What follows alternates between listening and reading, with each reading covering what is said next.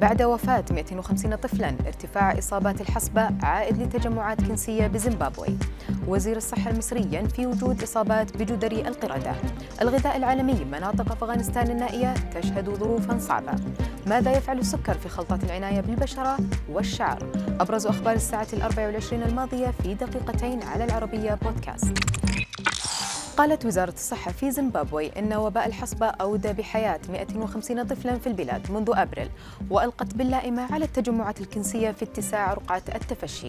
أضافت الوزارة في بيان أن الوباء تفشى الآن في جميع أنحاء البلاد وأن معدل الوفيات بين المصابين بلغ 6.9% وأشار وزير الصحة في زيمبابوي إلى أن البلاد سجلت حتى الحادي عشر من أغسطس 1036 حالة اشتباه و100 و و125 حالة إصابة مؤكدة وأن معظم الحالات موجودة في منكلادة بشرق زيمبابوي.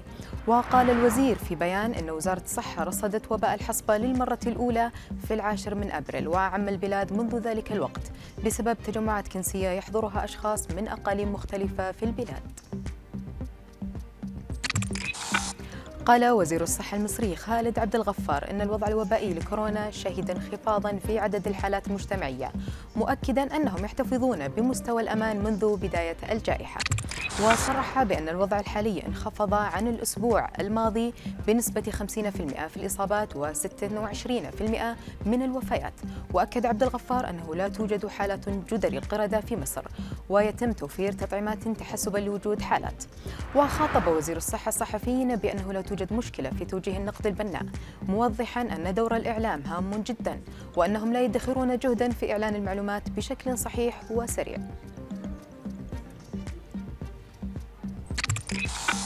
أعلن برنامج الغذاء العالمي أن المناطق النائية في أفغانستان تشهد ظروفا معيشية صعبة. وقال المتحدث باسمه وحيد الله أماني أن البرنامج ساعد ثمانية ملايين نسمة في أفغانستان. ما يدل على صعوبة الوضع كما أوضح أن معظم الأفغان يعانون من انعدام الأمن الغذائي. لافتا إلى أن برنامج الغذاء يستطيع الوصول للأماكن النائية في أفغانستان إلا أنه ينقصه التمويل وشدد على أن الأحوال الجوية تصعب مهمة وصول المساعدات للأفغان. مردفا أن الشتاء المقبل سيكون صعبا على الفقراء في أفغانستان. يشكل السكر مكونا فعالا في خصائصه المميزة في المجال التجميلي والتي يجهلها الكثيرون. استعملوه لتقشير البشرة لتنعيم اليدين أو لإضفاء حيوية على الشعر من خلال الخلطات المنزلية. ولكن لماذا؟ يعتبر السكر مقشرا طبيعيا ممتازا للبشرة فهو يساهم في إزالة الخلايا الميتة وينشط آلية تجديد البشرة كما يتمتع بمفعول مؤخر لمظاهر الشيخوخة.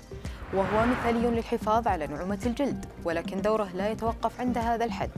فالسكر يتميز بمفعوله المقشر الميكانيكي المفيد للعناية بالبشرة وفروة الرأس وهو ناعم على الجلد لأن حبيباته تذوب بعد فركها خاصة لدى اختلاطها بالزيوت ويساهم تنوع احجام حبيباته في جعل استعمالاته متعددة.